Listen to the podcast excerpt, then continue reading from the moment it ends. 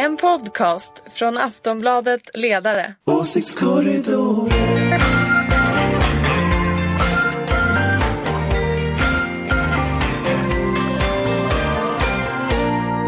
Hej och välkomna till Åsiktskorridoren, en podd från Aftonbladets ledarredaktion. Eh, det är januari, det har inte hänt jättemycket den här veckan men det är löningsdag idag, det är roligt till exempel. Eh, med oss idag har vi Dan Svedin från Aftonbladets ledarredaktion, Anders Lindberg från samma ställe och Ulrika Schenström, moderat. Välkomna allihop. Tack. Tack. Tack så jättemycket. Eh, vi ska prata... Vad heter du? Har du sagt Ja förlåt, jag heter Anna Andersson, jag jobbar också på Aftonbladet. Mhm. Tack Daniel. Eh, vi ska prata om en riktig långkörare i svensk politik, Försäkringskassan, sjukförsäkringen. Vi ska prata om kampanjande och lite annat sånt. Eh, vi kan också bara säga att det är torsdag förmiddag när vi spelar in det här. Eh, KU-förhören om Transportstyrelsen har precis börjat. Är ni, vad tror ni om dem? Ser ni fram emot dem? Alltså, det är, KU alltså, det, med all respekt, alltså, det, det är alltid cirkus. Och alla som sitter i opposition älskar den där cirkusen. Och alla som sitter i regeringsställning eh, tycker inte alls att det är lika Men kul. ko- kommer vi inte få veta vad som hänt? Nej, För det där var ju en jäkla soppa. KUs ehm, muskler är inte tillräckligt starka för, Okej. att, för att Kommer, kommer till exempel Anna Johansson som inte längre är minister, kommer hon att komma? Alltså jag tänker som Maud Olofsson, hon vägrade ju infinna sig helt enkelt. Ja men det är ju för att det är en cirkus som oppos- oppositionen använder sig av. Det finns ingenting som är så roligt som om KU anmä- anmäler ett statsråd. Ah, okej. Så att jag menar Antingen så ska man förändra KUs eh, sätt att göra saker så att man verkligen kan ta reda på saker och ting. Och jag menar jag kommer ihåg tsunamin. Det var ju en, en jättecirkus som naturligtvis eh, vi i opposition tyckte var jättekul. Och som verkligen faktiskt också skadade regeringen men vi har ju fortfarande inte fått svar Banden. på alla de Var frågor. är banden?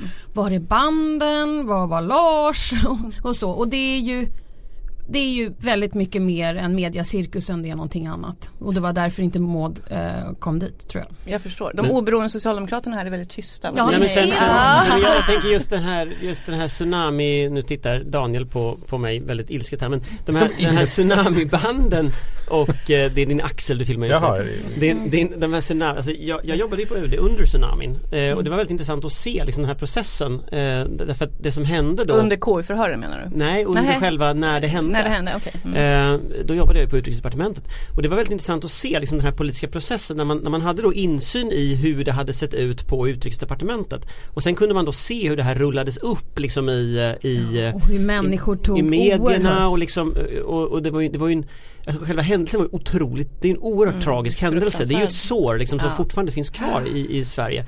Och sen så såg man så här successivt hur det här blev då maldes ner i där, de politiska Och kvarnarna och, och liksom precis som i alla andra sådana här fall så tar människor ut tillfället i akt att jävlas med varandra. Vilket gör att jag minns det, alltså man pratade med, med journalister och, och, och reportrar och så här. De har ju blivit uppringda hela tiden av olika instanser runt regeringskansliet för att jävlas med människor. Ni Sätta kommer ihåg det här, det är bara att sätta dit folk. Kommer ni inte ihåg det? Och det, det kom ju oftast inifrån. Det är inte så att oppositionen sitter och, och gör sånt där. För det, det fastnar inte lika enkelt utan Nej. du blir ju Mm. jäklar anamma smuts nersmutsad av dina egna kamrater på jobbet så att säga. Äntligen okej, kan vi Inbördeskrig är väl de värsta krigen, Ja. det är väl det klassiska. Men, men jag tror att just den här, just det här, eh, den här processen vi ser med Transportstyrelsen nu och liksom hela det här som kommer nu med KU. Alltså jag, jag tycker ju det är spännande att se, se svaren också som, som finns i, i förlängningen av Tror liksom, du vi kommer liksom som befolkning kommer bli klokare efter KU-förhören?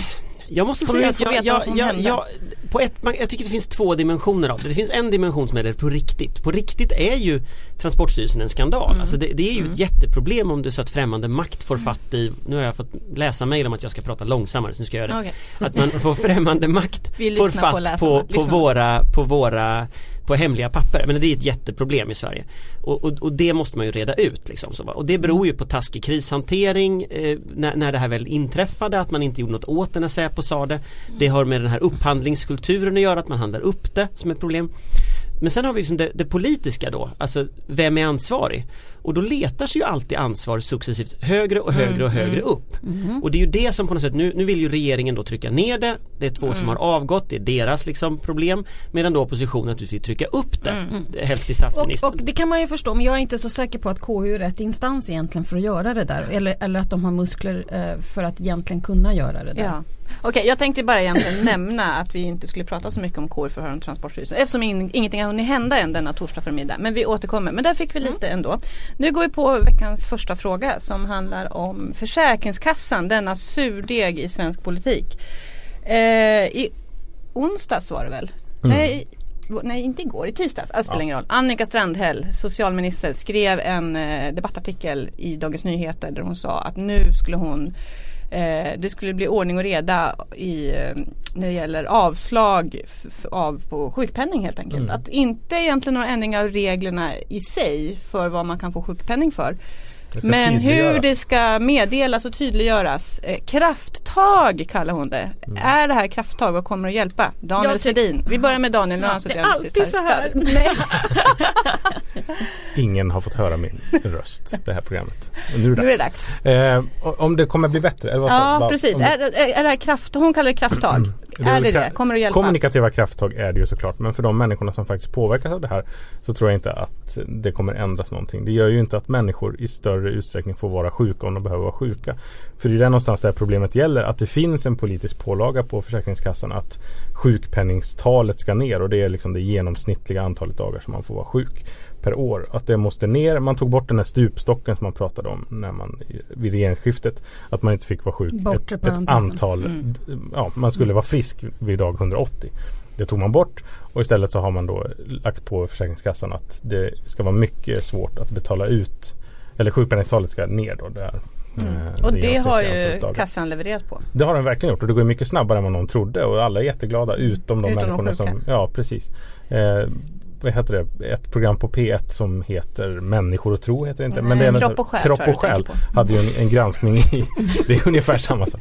Eh, hade, hade ju ett, ett avslöjande i eller ett reportage i veckan om där läkare tycker att det enda vi gör nu för tiden är ju att skriva intyg, alltså omformulera oss Sitta och hela, formuleringar. så att folk verkligen Mm. får vara sjuka och det gäller ju då ofta människor som har utmattningssyndrom eller Exakt. psykiskt ohälsa. Som är, Och det en- där är svårt ju att- svårt att är dokumentera. Svårt att dokumentera och är ett, ett stort problem framförallt för kvinnor. För det ökar väl? Det ökar eh, väldigt mycket sjukskrivningar som är utmattning, eh, Depressioner. depressioner. Man blir alltså sjuk av sitt jobb.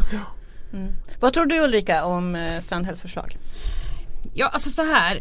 Försäkringskassan har ju alltid varit ett problembarn oavsett vilken regering vi har sett. Så att eh, det är ju någonting stort i strukturen vad gäller Det är en Försäkringskassan. grundbult i tryggheten. det är någon jätteproblem i kulturen tror jag på, på Försäkringskassan som jag tror man måste ändra. Och hur man ska ändra det, det kan jag inte svara på.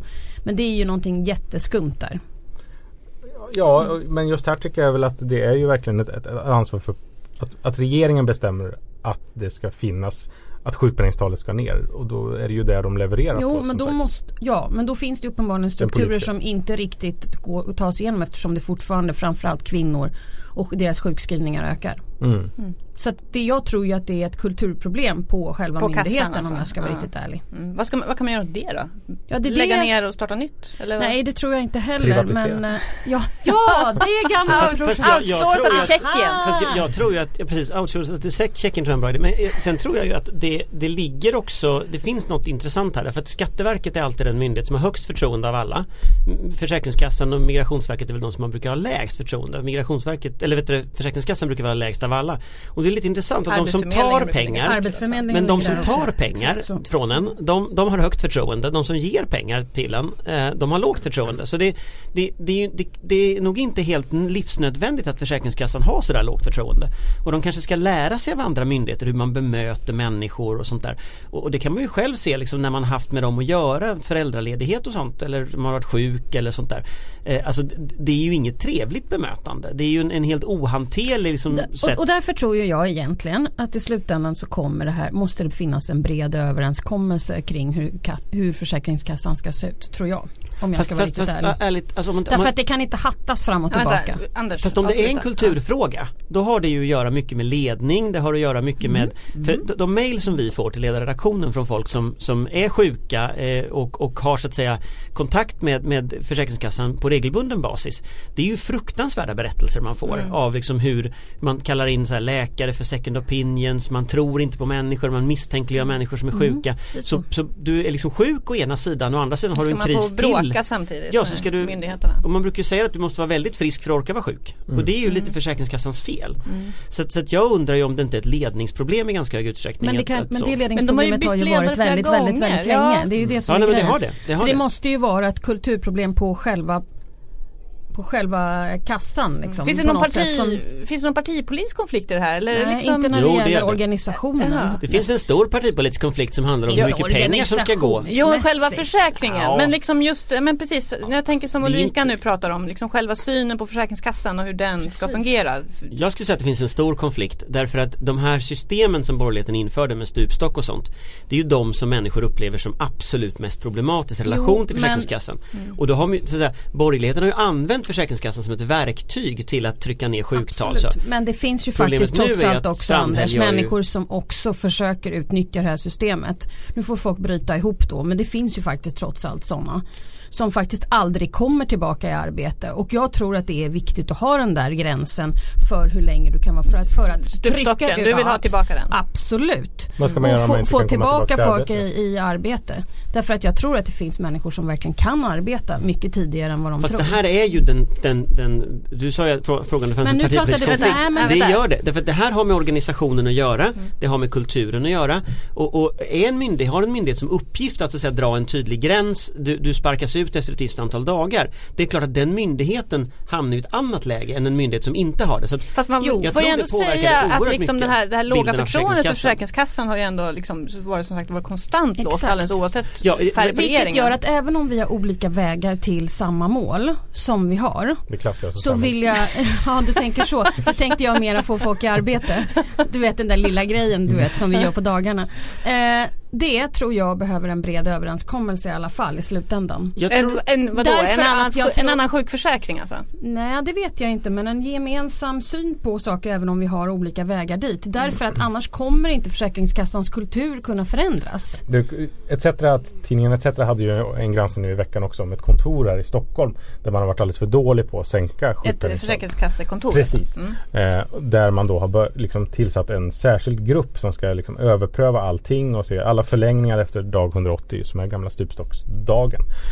Bortre parentes ja, heter också. Ja. för, för lyssnarnas skull tänkte jag bara lägga till det. De är nog mer de är nog mer bekanta med en stupstock tror jag. Okej. Bortre vad, parentes. vad, vad visade den här? Jo men Ja. att, att den här gruppen då sitter och Mm. överprövar att de, det tydliga målet är att man ska slänga ut människor och dessutom så verkar det som att man belönar människor. Man får lönepåslag om man gör många avslag. Och den där pinnräkningen eh, har ju också dykt upp från Dessa pinnar Ja. överallt på myndigheterna? Den har ju också dykt upp när det gäller Migrationsverket till exempel. Polisen. En, en ja, polisen. Fast Migrationsverket när de firade med tårtan den här gången när de hade utvisat någon och så. Det, det är väl liksom, du har ju, du har ju så organisationskulturen fullständigt ballat Ja. ur. Och tyvärr är väl. Försäkringskassan ett, ett exempel där organisationskulturen har ballat ur. Vad jag ville komma till förut eh, var, var bara det att, att den här kritiken mot borgerligheten för att man slaktade liksom, rättigheterna för människor som var sjuka och arbetslösa Den kommer ju tillbaka nu under Strandhäll Därför att Strandhäll har ju inte riktigt rätt upp de här sakerna Och nu så, nu så här, som jag uppfattar den här, vad regeringen gör nu Det är att man puttar ansvaret nu från regeringen till Försäkringskassan För att sen i valrörelsen kunna komma tillbaka och säga Det är Försäkringskassan som är är inte vi höga. Jag vill också Så. bara säga, jag skulle ha sagt det när vi började prata om bara lite mer om vad, vad hennes förslag faktiskt innebär. Hon ville även tillsätta en nationell samordnare. Eh, och som det ska bli bättre dialog, hon ska förhindra Är som stuprör. kollar hur många Så jag tänker samordnare också, det finns ja, jag tänkte ännu en samordnare och Det kanske också inte- då en ansvarspost. Det kommer inte att bli någon saker förändring i alla fall. alltså, det här med hur många, hur många samordnare finns det nu? Jag vet inte, vi får be dem mejla in och anmäla sig. Jag säger igen, det kommer inte bli någon förändring förrän den där Är du samordnare? Av dig. Eftersom kostnaderna för, för, våra, för socialförsäkringen är så otroligt stor så tror jag att det där, och jag tror faktiskt att Anders har rätt. Hon, kom, hon kommer ha den här samordnaren och sen så liksom skjuta det ifrån sig eftersom kostnaderna är jätte, jätte, jättestora för det där. Och jag tror i alla fall att en, en, en bred uppgörelse är det enda som kan förändra hela Kommer situationen. sjukförsäkringen att bli en valfråga? Nej men pensionerna kommer bli vilket gör att eh, delar av det kan mycket väl bli det eftersom jag är helt övertygad om att pensioner, vård, alltså trygghetsfrågor. Trygghetsfrågor, Så ja. den kommer mycket väl kunna vara där. Det finns ju två förslag som jag tror kommer att bli valfrågor. Det ena är ju föräldraförsäkringen. Där det finns det ju en utredning också. nu som har lagt Mm, förslag om mm. en mera kvoterad om föräldraförsäkring. sedan. Och Ja. det är klart att det kommer ju att bli liksom en valfråga. Men sen tror jag ju att Strandhälls, alltså jag tror den här, det fanns innan, det, var, det, var, det namngavs av en, en artikelserie i Aftonbladet tror jag, innan, för, för, innan 2014. eh, det här ett kallare Sverige där man då pekade på konsekvenserna av den borgerliga regeringens politik för vanliga människor. Jag tror att det finns, jag tror att Annika Strandhäll ska nog fundera ett varv därför att det är ungefär samma typ av artiklar kommer att gå att skriva inför valet om Jag har ju sett det, hennes assistans- politik. Håller- Assistansersättningen har vi sett det redan. Och jag håller helt med om att föräldraförsäkringen kommer bli en grej. Och jag tänkte så här. Men vi ska inte prata om den idag. Men vi kanske kan prata om den nästa gång. Eller nästnästa gång. Eller någonting sånt där. Men jag- är Men du helt är för säker. kvoterad föräldraförsäkring va? Alltså jag är ju väldigt Ja. vänster Ja, i den här. Och om man inte privatiserar föräldraförsäkringen. Men alltså, vad, jag, nej. Men vad jag står för här är ju nämligen det att jag gillar inte att kvinnor ska tjäna 23% lägre i lön på grund av att de egentligen mer eller mindre tvingas vara hemma och att det är ett statligt bidrag som, som ger detta och lägre pension. Men vi behöver inte tjafsa om Eh, det okej. nu. Men, Så men det- det, det- jag var- det är en väldigt, bara väldigt viktig fråga. Daniel, vad tror du om sjukförsäkringen i valrörelsen? Nej, men jag tror absolut att det kan komma. Det finns ju en, liksom, de här grupperna som drabbas av det här har ju en väldigt stark har ju byggt organisationer väldigt mycket där de pratar med varandra och kontaktar medier och sådär. Så det är väldigt lätt om journalistiken är intresserad av de här frågorna så finns det väldigt många case att hämta. Det finns bra människor att prata med. Ehm, och, eh, så jag tror absolut att det kan vara en sån fråga som dyker upp. Och särskilt om Eh, Vi har ju sett medieuppgifter om hur människor far illa. Eh, Och om det liksom hamnar på agendan så tror jag absolut att det kan vara en fråga som vi tar med oss in i Men är inte LSS, alltså är inte LSS liksom the run-up för det här? Alltså, för just nu ser det ju ut som att vi får ett val om liksom eh, brott och straff egentligen. Mm. Eh, Men om alla bj- bj- bjuder över varandra om brott och straff då blir ju på något sätt, då spelar man ju liksom 1-1 på den punkten. Och då är ju frågan om vad blir konflikten i valet? Ja. Och då finns det ju en, en, möjlighet att här, konflikten eh, handlar om just den här typen, och det här med Trygghetsfrågan. som Moderaterna skulle säga arbete eller bidrag eller som sossarna skulle säga då mer ett kallare Sverige eller Sverige har gått sönder. Den konflikten har ju körts eh, rätt många val nu. Så, att, så att det, alltså, jag tror att partierna skulle känna sig ganska hemma i att börja ta upp den retoriken igen. Liksom. Absolut. Och i LSS finns det ju dessutom en reell konflikt med Folkpartiet som tar sånt enorm strid mot, eller Liberalerna heter de, som tar sån enorm strid med regeringen. I den här frågan så finns det ju ingen, då är ju, då är ju svaret liksom Får jag bara fråga en, en, en fråga som, är inte jag, som jag Ja. inte ställer av någon annat skäl än att jag faktiskt är nyfiken och jag Mm. har inte läst på den biten. Vad tycker SD om det här? Om, eh, Om, vad, vad, vad tycker de om socialförsäkringarna? De vill ju återinföra eh, bortre parentesen ville du Stupstock sa du precis. förut. Ja men nu vill jag du ju vara snäll. Jag du vara trevlig plötsligt? En hand över blockgränsen där, det hade han inget för. Nej. Eh, nej men eh, och det är i detalj vad jag kan om frågan att de tycker så. Alltså, SD så har ju Gör de verkligen det? Fast SD Ja, har historiskt ett- ett SD har historiskt pratat om höga socialförsäkringar. Alltså eh, när det gäller liksom sjuk, sjuka och arbetslösa. höjda pensioner. Och därför var, och eh, pensioner absolut, men, men om man tittar på socialförsäkringarna. Däremot vad man tittar på den budgetomröstning som var nu då verkade ju SD ha svängt. Så till exempel det här med bortre parentesen, där stödde man ju Alliansens reservation om bortre parentes. Vilket ju, eller Moderaterna var det väl reservation om bortre parentes. Så, det, så man håller på att svänga och jag var ju på SDs eh, landsdagar och lyssnade och det är ganska uppenbart att, att det partiet liksom när man ska motivera sådana här saker, när man pratar med folk en och en, då är det liksom en, en, en moderat retorik Nu för detta. får du ta och Nej, det skärpa dig. Det här är ju helt osannolikt. Nej, motivet men är det inte- trollfabrik? Nej. Trollfabrik. Nej men så här, motivet som man... Trollfabrik. Nej men Tired of ads barging into your favorite news podcasts? Good news. Ad-free listening is available on Amazon Music for all the music plus top podcasts included with your Prime membership. Stay up to date on everything newsworthy by downloading the Amazon Music app for free or go to amazon.com slash news ad free. That's amazon.com slash news ad free to catch up on the latest episodes without the ads. motivet som man det är har som det är... var- Vänta Ulrika, du ska få Motivet SD har är, det, det, alltså, Alltså- det, det, det ligger i gränslandet till det ska Anders löna sig att Lindberg, nu får du arbeta. skärpa dig. Nu får Nej, men du skärpa Det här är någon som försöker sätta en bild. Förfärlig Hon bild. pekar upprört på Anders Lindberg Fast, fast den bilden satte ju, det var ju SD som Ja, röstade, inte jag. den. Det var ju SD som röstade Nej i nu riksdagen, släpper inte vi jag. här. Okej, vi, vi släpper det här. Precis, vi var inne Alla på... vinner på att debatten lägger sig. Nej, nu, nu går vi vidare, för vi, Åh, vi var inne på valkampanjer. Eller på valrörelsen. Ja, och när vi ändå pratar Det är också för- kampanjande. det är också för. Och troll. Vi kommer återkomma till troll. Eh, kampanjandet har bara dragit igång. Jag Ja, ska det- säga det att det, här i. Stockholm ska jag säga så har Moderaterna en eh, uppmärksammad eh, kampanj i tunnelbanan Alltså, kan, just får, nu. får jag bara säga en sak då som, som kanske Nu låter ska lite jag försöka sätta oväntat? bilden igen. Jag tyckte Ja, här kommer Moderaternas kampanj Här var kommer rätt rolig. Ja! Därför att, därför att, därför att nu använder Nu är Moderaterna Moderaterna illa Nej men ute. nu använder Moderaterna ett grepp som faktiskt inte så många gör så. Det, det har använts ibland och det är att man är, har, man har humor. Sen så har Moderaterna inte rolig humor. Eh, men det är ju för att det Obegriplig är humor Ja, måste jag ändå som förstår. Ja, partipolitiskt men- men jag- obunden säga. Ja, men jag då som är från Göteborg och, och någonstans inte förstår De kanske ska eh, köra Stockholms det här humor. i Göteborg. Ja det kanske, jag, jag tycker faktiskt att det är lite uppfriskande Ja, ändå med någon som plockar upp eh, eh, som konceptet att ändå ja, vara lite ironisk för det blir ändå lite Mm. vi kanske självironiskt. ska dra så. några av de budskapen som man alltså ser på stortavlor i tunnelbanan här i Stockholm. Det var Tack, Tack, the police. Det verkar bara vara en Eh, delningsbild va? Eller? eh, Eller syns den? Det här var en det delningsbild, det har jag aldrig fattat. Nej usch det där kan vi inte gå in på Nej. för det där kan inte jag. Det Det verkar vara kvantfysik ja, vad det som är verkar en vara ett- delningsbild det verkar och vad vara som ett är kan vi inte fortsätta nu så det Och här eh, är men Aina, Aina. Aina ska med. Vem är Aina? Det har Ja, inte jag, jag fattat. trodde det var Aina Elander. det alltså helt seriöst, jag fattar Farmors ingenting. kompis Det ska med. Och jag man gör en kampanj när verkligen människor inte fattar. Nej jag vet. Och såg ni vi, ska, vi kan Twitterstormen? också Det bara här, säga? Aina är alltså förortsslang för polis. Kärnväljarna på Öfre, de vet inte vem De man förstår Det inte. Vasastan Men- som är ganska Är normal. Aina, Till- till- är Aina slang för polis? Ja det är Ja. på, Har du inte fattat det? Jag trodde det var Aina Nej. Elander. Och det, Jag trodde här, Aina var en Ja. person. det leker ju som då med det socialdemokratiska Ja, budskapet. bra, alla. men nu har, nu har, vi, nu har vi satt Ja. bilden här. Ja, men Anders har precis. gjort det alldeles utmärkt och snyggt. Jag trodde Aina var en person. Men jag- jag fick ju lov att googla och sen bara såhär, det betyder Ska du säga snyggt. sätta bilden? Sätta bilden? Det är du som pajar Moderaternas Okej, kampanj. moderaten i rummet är inte helt nöjd med den här kampanjen alltså. Det är också Varför bilder inte? på Moderaterna. Nej, nej, i jag, kampanjen. jag, Ja, Ja, det är bilder det på den här, Nej, men vad heter heter Ni vet, ni vet vad jag står Sven för. Ja. Jag tycker att kampanjer, vad ska de bottna i Anders? Vad ska kampanjer bottna i? Reformer.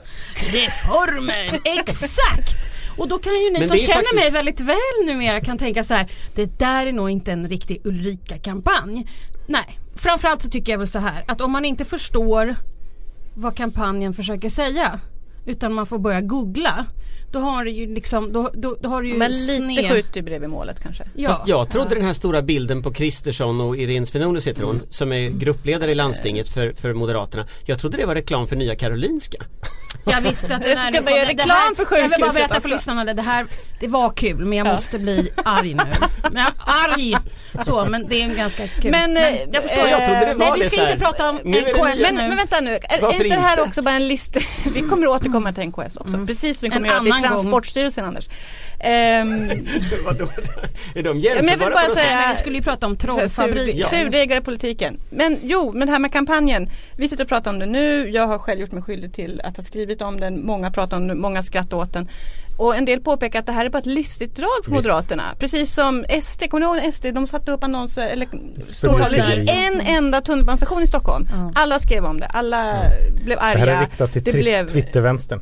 För Twittervänstern vet vad Ja, men Aina är. Twittervänstern kommer ju aldrig att rösta på Nej Moderaterna. men eh, vi snackar om det. Ja, men Ja. är det här, ett, är det här eh, det gamla kampanjrävar? Är inte det här ganska slukt? Här sitter vi och pratar om Moderaternas kampanj. Ja, vi skulle prata om det och vi skulle prata om andra saker. Jo, vi Om återkommer till det. Men jag, hallå, är jag försöker säga, är inte Moderaterna smarta här som får göra en kampanj jag, som jag alla är hemskt pratar om? ledsen men jag, jag kan tyvärr inte anamma det här. Nej, okej. Fast jag tror, jag tror så här. Jag tror att Moderaterna, jag tror det där är översmart. Jag tror, jag tror man ska tillämpa Ockhams rakkniv. Ockhams rakkniv är ju att det, om det finns en enkelt svar så är det det. Jag tror att svaret Mm. Okej, är helt bara- enkelt Nej men jag tror de har en ny reklambyrå och den reklambyrån tyckte det här var kul Fast det är och sen sam, exakt Men samma estetik ska som man- Boom det där Jo, försvaret. jag vet, jag vet men de tyckte det var en kul grej och så kör de den och så testar de och ser. Därför att nu testar du saker som du kan kolla, funkar det här i valet eller inte?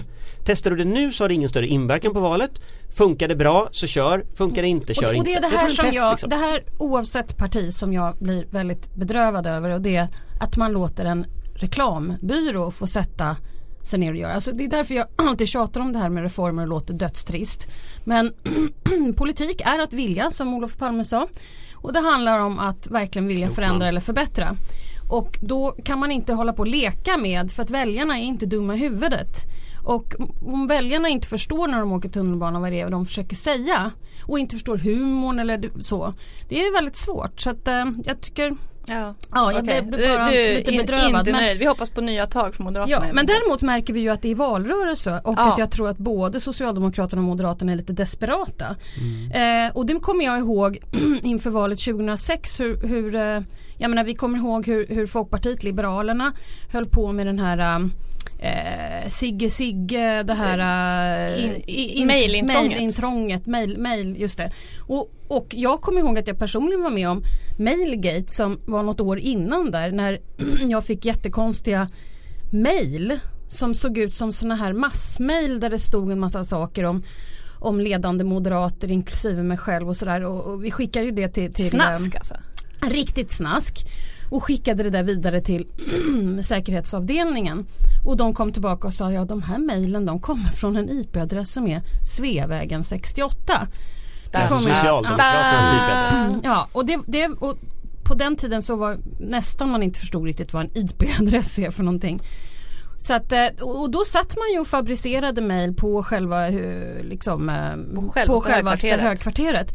Och det där visar ett desperation, en desperation tror jag. Ja för vi ska också För att jag menar Moderaterna de skaffade sig till och med en sån här trollfabrik som ju sen fick läggas Men ner som det ni kanske tecken- minns. jag tycker- jag tycker- efter att han den här killen Men- hade sagt hora eller någonting Men, sånt där. men, men finns Det det, inte tecken namnet i. Stockholm. Men Ja, finns, det inte, finns det inte tecken som tyder på att, att just den här desperationen, för jag tror det här är en nyckelgrej alltså att, att vi, för vi såg det här hos Moderaterna förra året, vi såg det, vi har sett det en, alltså de här åren ganska många gånger. Mm. Att när partier blir desperata då, då blir det den här typen av liksom, det rinner ut så va? Exakt. Och Löfven har ju nu, efter att sossarna den här veckan hade ju något så här Ja, jag tänkte också säga då, som det. var- Sossarna har ju också nu, Ja. två medarbetare var avstängda på partikansliet Ja, för att nu- ha påkommits med anonyma konton. Ja, Ja. precis. Och, och det var väl riktat mot Hanif Bali om jag förstod Ja. det rätt eh, på Twitter Och som då är är man lite desperat så att Nej men och då har man hamnat i en situation tror jag där, där nu, ah, alltså om man tänker liksom, jag såg att Ulf Bjäreld var det som föreslog att de skulle ha något här partiledarsamtal om fula metoder i valrörelser. Mm, tror jag är ganska bra. Så, så återstår väl att se om det där blir av. Men,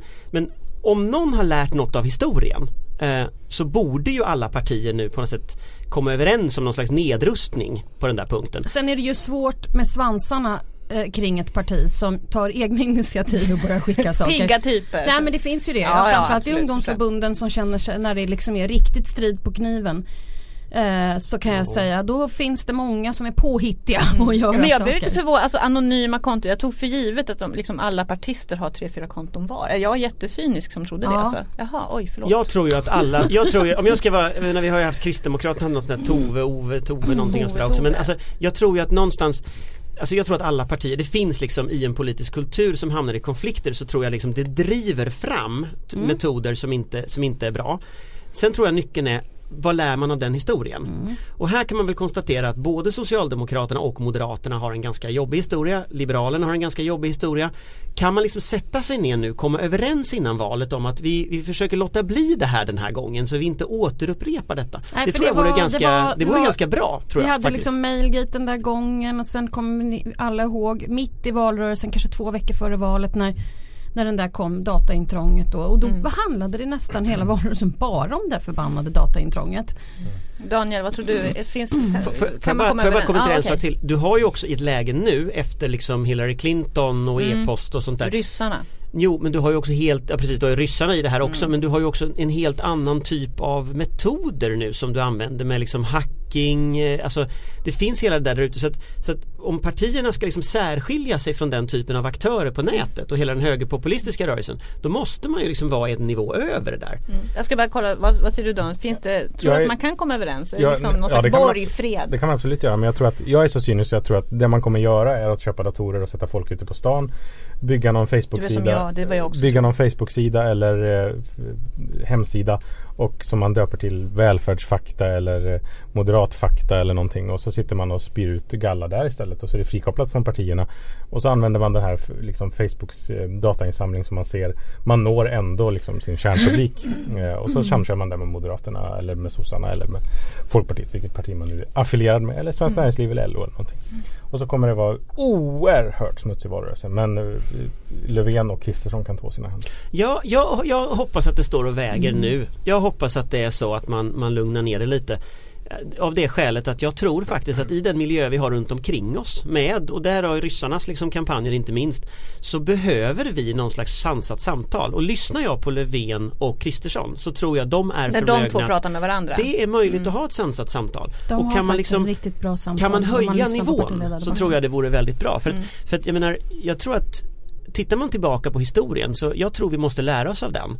Eh, och där har alla gjort misstag. Och kan man på något sätt komma ur det, komma ur den snurren på något sätt, det Mm. här race to the bottom så vore det väldigt bra. Okej, bra. Eller vill du Nej säga men något, jag, Ulrika? jag, Eller? jag blir bara bekymrad. Så, här, jag tror ju också Det att den här typen av desperation som börjar redan nu också är kanske januari. är sammanhängt tillsammans med den här problemet med rekryteringsbasen för partier. När partier Alltså blir partimedarbetare, att få, Ja, få folk. att, att, att Mm. man liksom har för mycket människor som egentligen är där för att göra en karriär och inte att förändra och förbättra. Då blir desperationen, då blir det levebrödet. Man, har helt, man är helt enkelt inte en person som vågar förlora. Vilket man måste hela tiden våga, våga förlora, våga göra någonting annat. Det kan inte vara liksom ett, eh, ett livs, livsprojekt att jobba eller, eller stå på listor i ett parti. Och om det blir så, ja det är då det blir såna här trollfabriker om jag ska vara riktigt ärlig. Nej men det är väl verkligen lärdomen från partisystem som inte är så mycket folkrörelse som de svenska är. Att där blir det bara karriärister och där blir det spinn och smuts Ja. hela tiden. Ja. Inte bra. Eh, apropå våga förlora, vi går in på sista ämnet. Eh, Ebba Busch blev intervjuad i Svenska Dagbladet igår eh, och sa bland annat att det borde bli färre partier i Sveriges riksdag. Det var modigt sagt av, vad ligger de på? Knappt 2,8. 2,8 2,8 Ja, procent. Ja. Har hon rätt? Borde det vara färre partier i Ja, Sveriges riksdag? fem ungefär lagom tycker jag. Ja, alltså jag vet inte om det handlar om det men man kanske ska diskutera den här 4% spärren och sådär. Men det jag verkligen tycker det är ju att antalet ledamöter i riksdagen är alldeles för många. De, Hur många vore Nej. lagom då? Det Jo jag tycker att 349 är det väl va? Eh, jag tycker det är alldeles för många. Alla sitter ju inte ens i ett utskott utan är ju Det får man ju ändå säga, det finns jag otroligt det är många väldigt anonyma riksdagsledamöter. Det Alldeles Fast de är inte anonyma hemma i sina valkretsar. Alltså jag tror att Jo, Nej, det är de det visst. är bara här i den här I agree. Nej men jag tror faktiskt inte Jag det vet inte vem som sitter på min bänk. men, nej men jag tror faktiskt att det är så att Sverige är ett land som är liksom väldigt, väldigt geografiskt olika i olika delar av landet.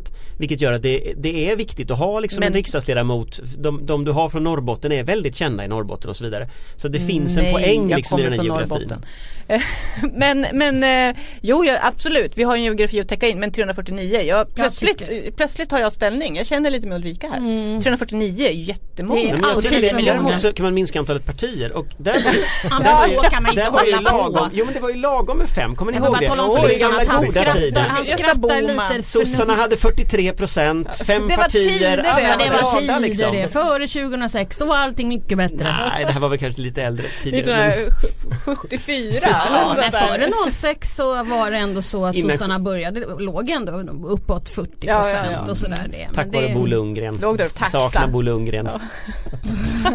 Bada. Vad lycklig du ser ut. Ja, vad säger du Anders, hur, eller förlåt eh, Daniel skulle jag säga. Eh, många partier? hur många partier och hur många ledamöter? Nej men i någon, i någon mening så är ju riksdagen och liksom riksdagens institutioner byggda för fem partier. Det är ju en överenskommelse som kommer. Och vårt regeringskansli är byggt för ett parti så att jag menar ja. Och vilket Det här parti med koalitionsregeringar, ja vilket precis.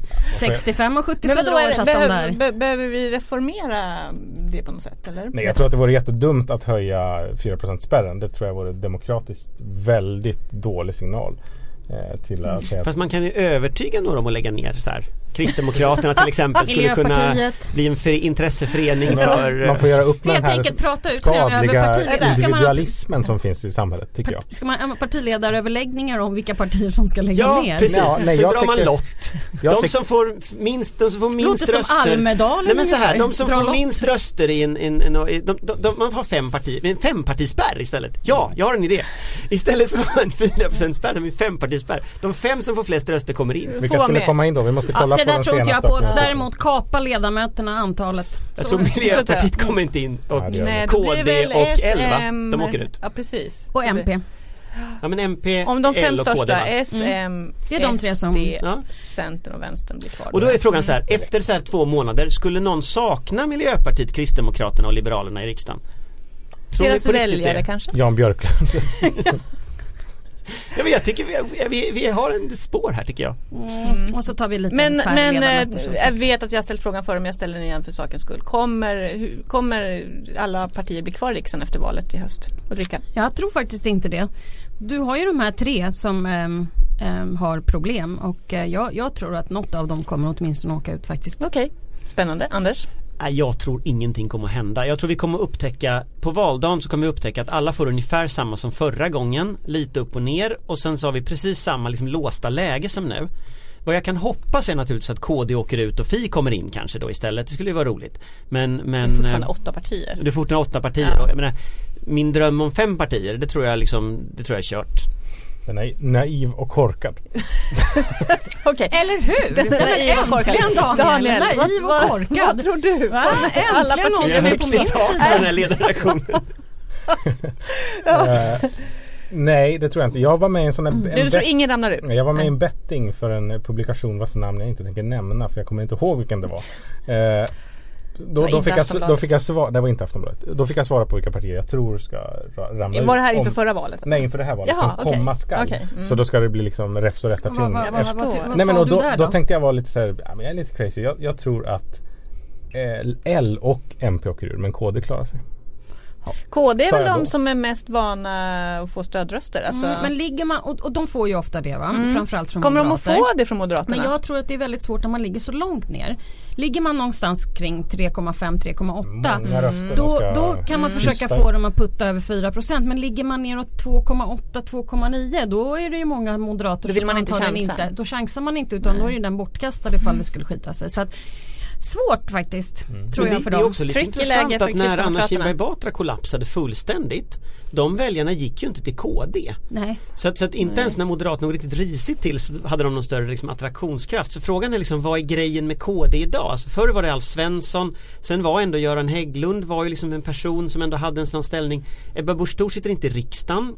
Hon har en Hon har gjort en sväng med partiet får man säga. hon har gjort en sväng med partiet åt höger. Mm. Jag är, om jag var kristdemokrat så skulle jag vara ganska orolig för att jag blir som klämd mellan SD och M och Jag blir kan säga, liksom mos i enligt den den där här lilla... Svenska Finns Dagbladet-intervjun det så är det ju där, liksom? stenhårt sjukvårdsfrågorna hon kommer att köra i Ja, valet. att man ska betala mer för vård. Det är också en ganska konstig, det är inte så är, populistisk linje. Mm, tror vi att det är Lars Adaktusson som kommer att ta över det här sen?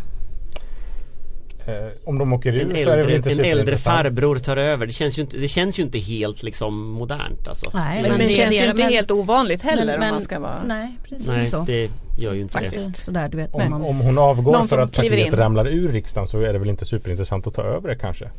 Eh, och då kanske Lars Du tror att, att då faller har- partiet eh, Nej, men samman då, liksom? Jag tänker att Lars Adaktusson, min upplevelse är att det kanske är en människa som kanske är lite, lite fåfäng. Och Yes. eh, inte är så intresserad av att leda ett parti utanför eh, riksdagen. Någon gång borde vi sjunga Lars Adaktussons frisyr. Det finns en jättehärlig låt som heter det. Det får faktiskt bli sista ordet i den här veckans Åsiktskorridoren. En podd från Aftonbladets ledarredaktion. Tack för den här veckan Ulrika Schenström, Anders Lindberg och Daniel Svedin. Jag heter Anna Andersson. Vi hörs och ses nästa vecka. Hej då! Trevlig helg.